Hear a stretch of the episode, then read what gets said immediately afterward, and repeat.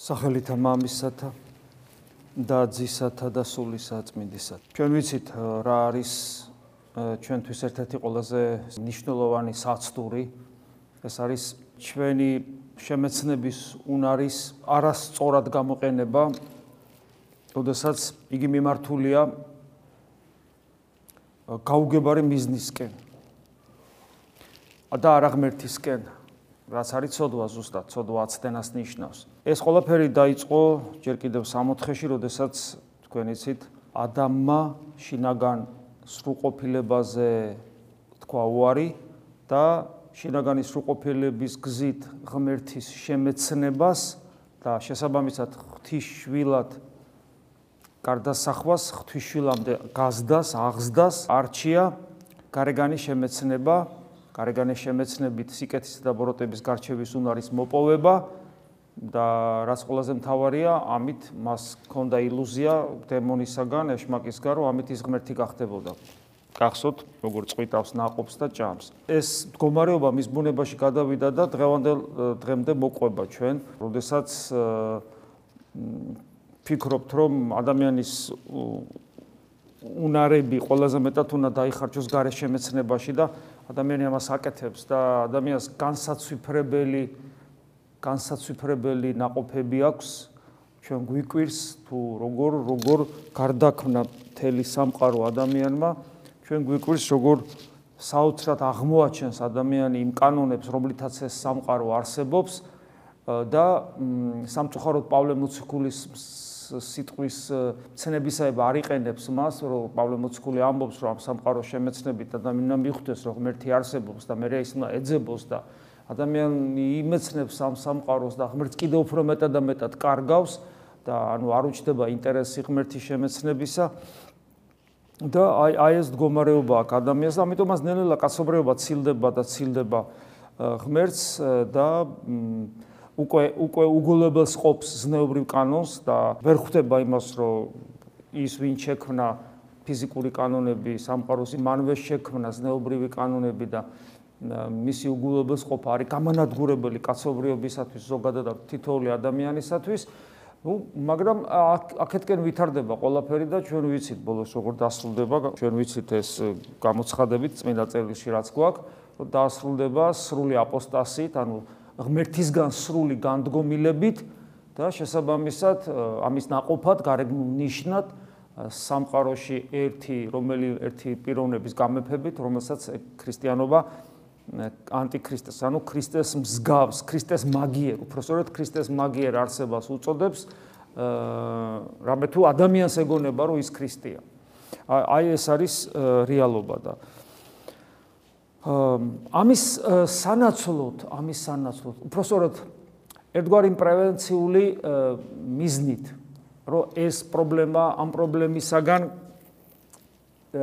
დაცული ყოფილიყავით, რაც ჩვენ გვჭირს. ყოველ შემთხვევაში ეს პრობლემა მიდის აქეთკენ და ეს აქეთკენ ვითარდება, ანუ სამყარო თავის დასასრულს, ლოგიკურ დასასრულს უახლოვდება, იმიტომ რომ ღმერთს უარყოფს, მაგრამ აი ეს კუნძულები, რასაც ქრისტიანები ქვია, ეს კუნძულები რო გადარჩენილიყვნენ, ამისათვის აა ღმერთმა გარკვეულ ზომებს მიმართა. და ერთ-ერთი ზომა არის ის, რომ მან მოციქულებად გამოარჩია ადამიანები, რომლებიც არ გამოირჩეოდნენ იმ თვისებებით, რითაც ჩვენ ასე ვამაყობთ დღეს. ჩვენ დღეს ვამაყობთ ჩვენი განათლებულობით, ინტელექტუალური განვითარებით და ასე შემდეგ. მოციქულები იყვნენ მეთევზეები, ძირითადად დაბალი ფენის წარმომადგენლები, და აქედან ერთ-ერთი მეთევზე რომელმაც დაწერა სამყაროში მე მგონი ყველაზე ამაღლებული წიგნი ეს არის იოანეს სახარება და იგი იყო მეთევზე იცით მაგალითად გამახსენდა ბასილი დიდი რომელიც პირდაპირ ესე ამბობს რომ რამდენი დრო მაქვს დაკარგული. პირდაპირ ესე ამბობს რამდენი დრო მაქვს დაკარგული დაკარგული რომ ბასილი დიდი თავისი დროის ერთ-ერთი ყველაზე განათლებული ადამიანი იყო. უგანათლებულესი ადამიანი იყო ბასილი დიდი ეს მის ნაწერებში ჩანს. ტირილამდე მიდის. ამბობს ტიროდიო, რომ გამოვერკვიე თუ რაც რაც არის საკეთებელი და სინამდვილე. გრიგოლ პალამა გვახსენდება, გრიგოლ პალამაც იგივეს ამბობს. და გრიგოლ პალამაც უგანათლებულესი ადამიანია, მინდა გითხრათ. ამით იმის თქმა კი არ უნდა წმინდა ეკლესიას ამ წმინდანების პირით, რომ როგორც ასეთი განათლების უარყოფა კი არ ხდება. არამედ მას თავის ადგილს მიუჩენს. აი მოციქულები კიდევ ვიმეორებ, მოციქულები სწორედ ამის გამო გამოარჩია ასეთებად. ჩვენ ეკლესიის ისტორიაში ხედავთ უგანათლებულ უგანათლებულეს ადამიანებს, როგორც იყო იგივე ბასილი დიდი და გრიგოლი ღვთისმეტყველი, გრიგოლ პალამა და უამრავი, უამრავი უგანათ თანამედროვე წმინდანებში ძალიან ბევრი განათლებული ადამიანია, მაგრამ ამავე დროს ამავე დროს ჩვენ ხედავთ ეკლესიის ისტორიაში ისეთ ადამიანებს, რომელსაც საშუალო განათლებაც არ ქონათ. პირველი ორი კლასი ქონათ დამთავრებული, მაგრამ უდიდესი წმინდანები იყვნენ და ჩვენ ხედავთ უცნაურ რამეს, რომ ვერ იტყვი, ვერ იტყვი, თქვა ღვთისწინაშე რომელი დიდია. ყოველს თავისი ადგილი აქვს. რა თქმა უნდა, ეს წმინდანები, ბასილ დიდის გავს წმინდანები თავიანთ განათლებას, მე ინტელექტუალურ განათლებას ეკლესიის მსახურებაში, ეკლესიის აღშენებლობაში იყენებდნენ. ეს რა თქმა უნდა. მაგრამ უშუალოდ სულის ხონებისათვის ღმერთთან მისასვლელად სხვა რამეა საჭირო და აი ეს სხვა რამე, ეს სხვა რამე არის ღმერთისა და ადამიანის ერთობა. ქრისტეს შემეცნების უნარი და როგორც წმინდა ისე გრიგოლ პალამას დავესესხები, ამისათვის საწყისი ეტაპი, პირველი ეტაპი ეს არის ღვთისშიში. ეს ღვთისშიში რა რა არის? საიდან ჩდება ეს შიში? როგორც ღვთისშიში როგორც დასაბამი სიბძნისა. სიბძნისა. ჩვენ სიბძნეს თუ ვეძებთ, სიბძნის დასაბამი ღვთისშიშია და სიბძნე არ არის უბრალოდ ინტელექტუალური განათლება რომელიმე მეცნიერებაში. სიბძნე ეს არის სამწყაროს ყოფიერების საწყისის წვდომა, ყოფიერების საწყისის წვდომა, ანუ ღმერთის წვდომა. სიბძნე და სიბძნე ღვთისშიშით იწყება. ეს ღვთისშიში რა ფენომენია, საიდან ჩდება? როგორ არის?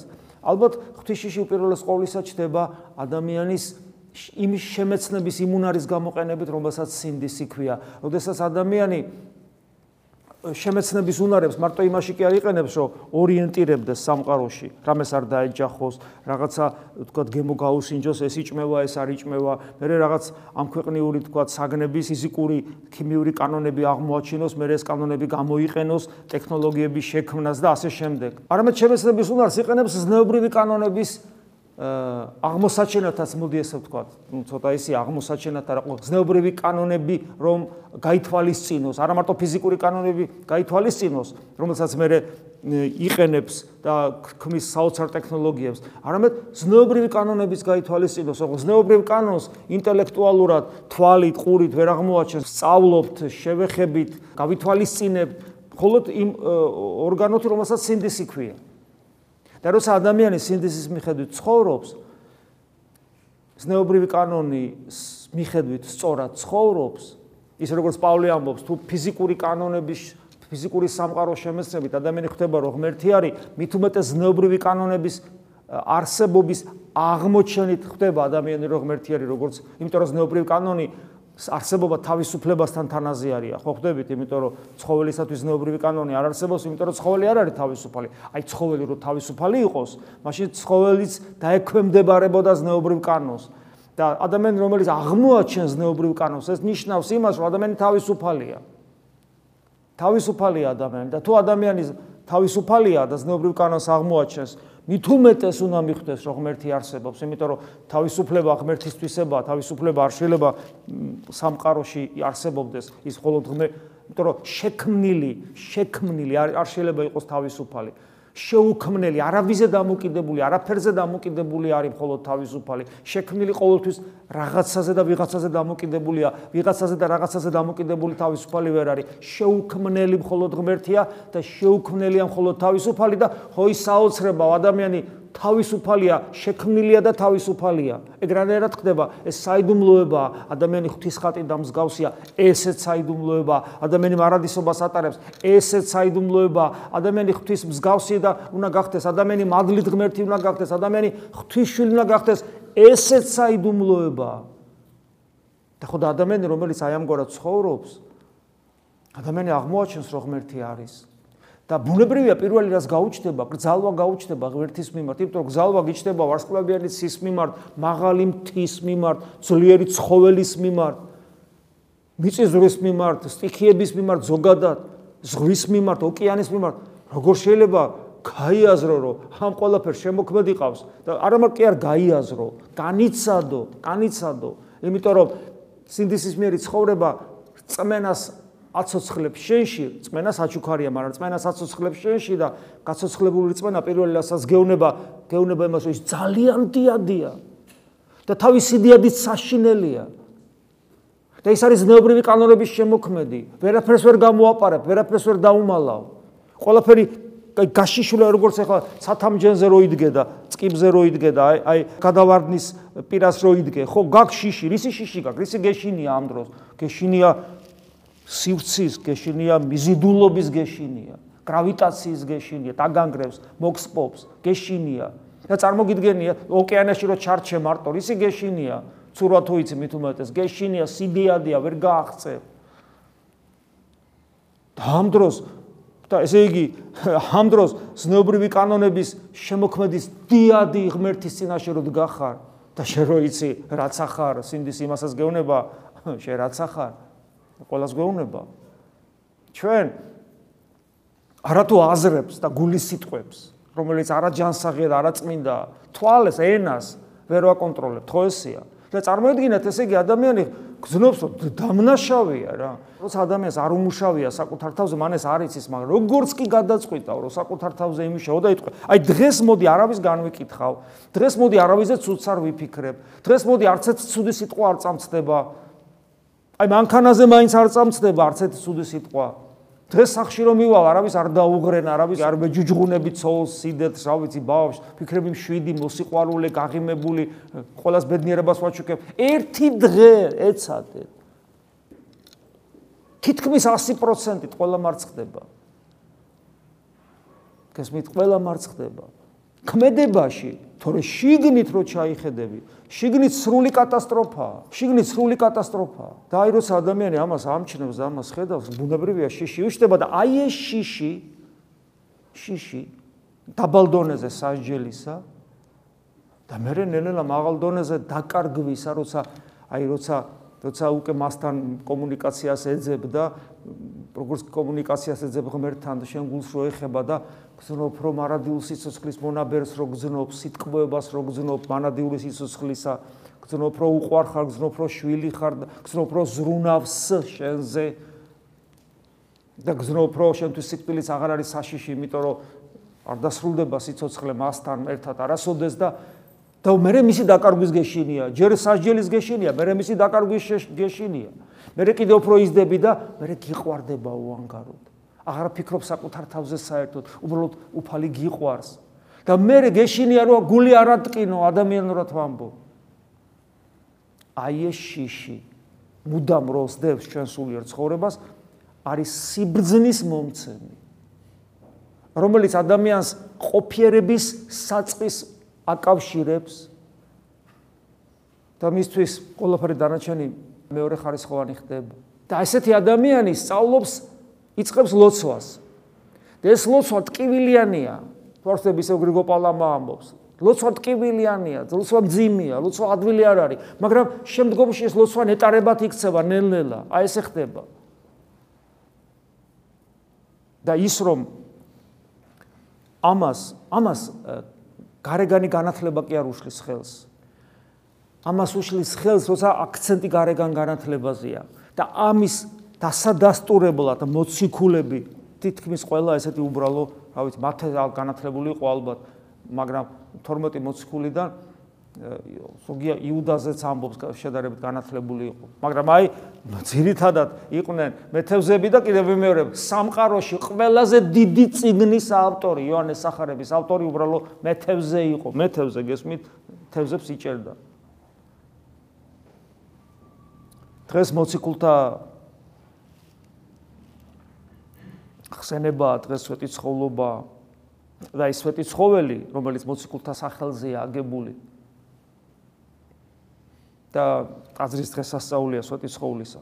სვეტი ცხოველი ეს არის აა საქართველოსში ღმერთის მყოფობის მუდმივი ნიშანი. და არ არის შემთხვევითი მე ვფიქრობ, რომ ნომერ პირველი ტაძარი საქართველოსში არის მოციქულთა სახელობის. მაგალითად ბიზანტიაში თუ ჩვენ მაგალითად ბიზანტიას მიუბაძავდით, ნომერ პირველი ტაძრის სახელი იქნებოდა სოფია, ანუ სიბძნე. სიბზნე ვინ არის სიბზნე? ქრისტეს სახელობისა. ფაქტურად სოფიის ტაძარი, სოფიის ტაძარი, ეს არის აია სოფია, წმინდა სოფი, წმინდა სოფი არის სიბზნე. ანუ ქრისტეს სახელობის, ხო? მაგრამ აი საქართველოში მოციქულთა სახელობის არის 12 მოციქულის სახელობის. ალბათ ეს არ არის შემთხვევითი თავისთავად ცხადია. ამას რაღაცა მნიშვნელობა მიანიჭეს ქართველებმა თავის ძროზე, დატვირთვა მიანიჭეს, ატომი ყო ასე და ამგვარად. მაგრამ ზოგადად მოციქულები ესეთები რო იყვნენ მოციქულების ცხოვრება ძალიან აი ხა დღეს მაგალითად კორინთელთან ეპისტოლეში პირველ ეპისტოლეში წავიკითხეთ თუ მოციქულები როგორ ცხოვრობენ ისინი აი როგორც პავლე მოციქულესი ამბობს ჩვენო მოციქულები სიკვდილ მისჯილები ვართ ამ სამყაროში ეს ამ სამყაროზე მე ცოტა პერიფრაზირებას ვაკეთებ ჩემი სიტყვით მაგრამ არს გადმოგცემთ რაც დღეს მე დავიცემ წაიკითხა ჩვენ ვართ სიკვდილ მისჯილები ეს სამყარო ჩვენ გძულობს, გვდევნის, გვცემს, გვაშიმშილებს, კლავს, გვდევნის, მაგრამ ჩვენ გვიყვარს ეს სამყარო, ჩვენ ვლოცულობთ მათთვის, ვინ ჩვენ გვდევნის და ვინ ჩვენ ვისაც ჩვენ ვძულვართ. ჩვენ არ ვიძულებთ მათ. და და ეს ხო თითქოს ამ ქვეყნიური გაგებით ხო სისულელია, ხო? მე თუ მცემ და გძულვარ, მე რატომ მიყვარხარ? და ჩვენ ვართ სულენი, მე პავლე მოციქული ამბობს ქრისტესთვის. ახეთ რა უცნაური რამეა.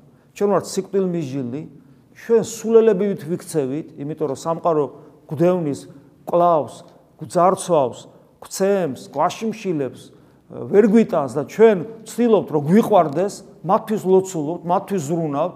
სულელები ხართ, დიახაც, ოღონ ქრისტესთვის სულელები ვართ. და ქრისტესაც ასე უქნეს. და მე მემკვიდრეობით რომ გადადის ეს ყველაფერი ამას გვაჩვენებს, იმიტომ რომ პავლე მოციქული ამბობს, რომ თქვენი мама ვარ და ქრისტესში გშობეთ შენ. თქვენ, ანუ უშუალო მემკვიდრეობაზე უსვავს ხალხს, რომ მოციქულთა მდგომარეობა, მოციქულთა მადლი, მოდი ესე ვთქვა. ანუ ქრისტიანობის მადლი, მოციქულთა მადლი ზოგადად გადაცემადია მემკვიდრეობით, მემკვიდრეობით. ძალიან მნიშვნელოვანია ეს. ხელდასხმის ჯაჭვი არსებობს და ტრადიციის სულიწმინდისეული ტრადიციის გადაცემა არს გადაცემა არსებობს და ასე შემდეგ. ანუ ჩვენ ჩვენ კი დავიბადეთ ესე ესე უცებ ქრისტიანებად.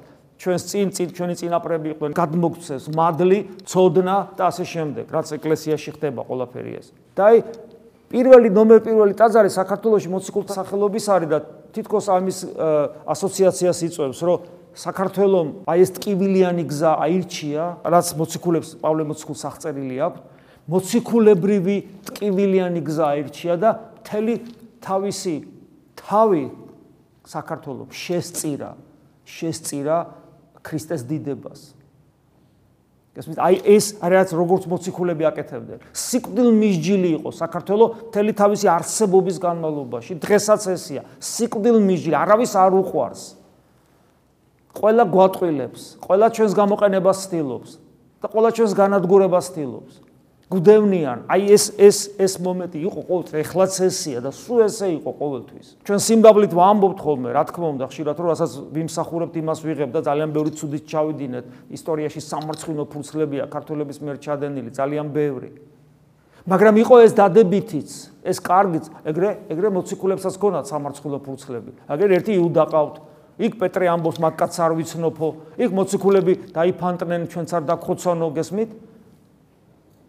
ასე რომ მინუსები ჩვენში ძალიან ბევრია ბუნებრივია როგორც მოციქულებში იყო. ჩვენ ჩვენი იუდები ყავს და ჩვენს ბერჯელ გვითქვავს ქრისტეზე რომ მაგკაც არ ვიცნობო და ჩვენს ბერჯელ დავმალულ ვართო ოღონ არ დაგხოცონ და მაგრამ თლიანობაში თუ გადავხედავ თლიან ისტორიას საქართველოს მას შემდეგ რაც ქრისტეს გზა აირჩია არის სიკვდილ მისჯილი სიკვდილის ჯილი, მშიერი, წყურვალი, დელნული ქრისტესათვის. მაგრამ ამ მემკვიდრეობას ატარებს პავლე მოციქული რო ამბობს, ჩემი შვილები ხართო. აი ამ და მე მომბაძეთო, როგორც მე ქრისტეს ბაძავ, მოციქულთა შვილობის მემკვიდრეობას ატარებს და მიმბაძველია მოციქულებისა და შესაბამისად ქრისტესი. მე ვფიქრობ, სწორედ ამიტომ ჩვენი ნომერ პირველი ტაძარი მოციქულთა სახელობის სწორედ ამიტომ არის, რომ ეს ქართველებს, ყოველი ეპოქის ქართველებს და დღევანდელ ქართველებს გვაფხიზლებდეს, თუ ვისი გორისანი ვართ, როგორც ქართველები იტყოდნენ. და ხილური სასწაული კიდე ის არის, რომ კვართია დასვენებული იქ და კვართი უფლის ჯვარცმა, ფოთაშორის ებრაელებისა და ქართველების უცნაური ფენომენი ურთიერთობისა, რომელიც სხვაგან არსად არ არის ყველაფერი იქ არ ხო იცით კვარტის ისტორიაც ახლა აქ აქ ნუ მომაყოლებთ იცით ეგ ისტორია.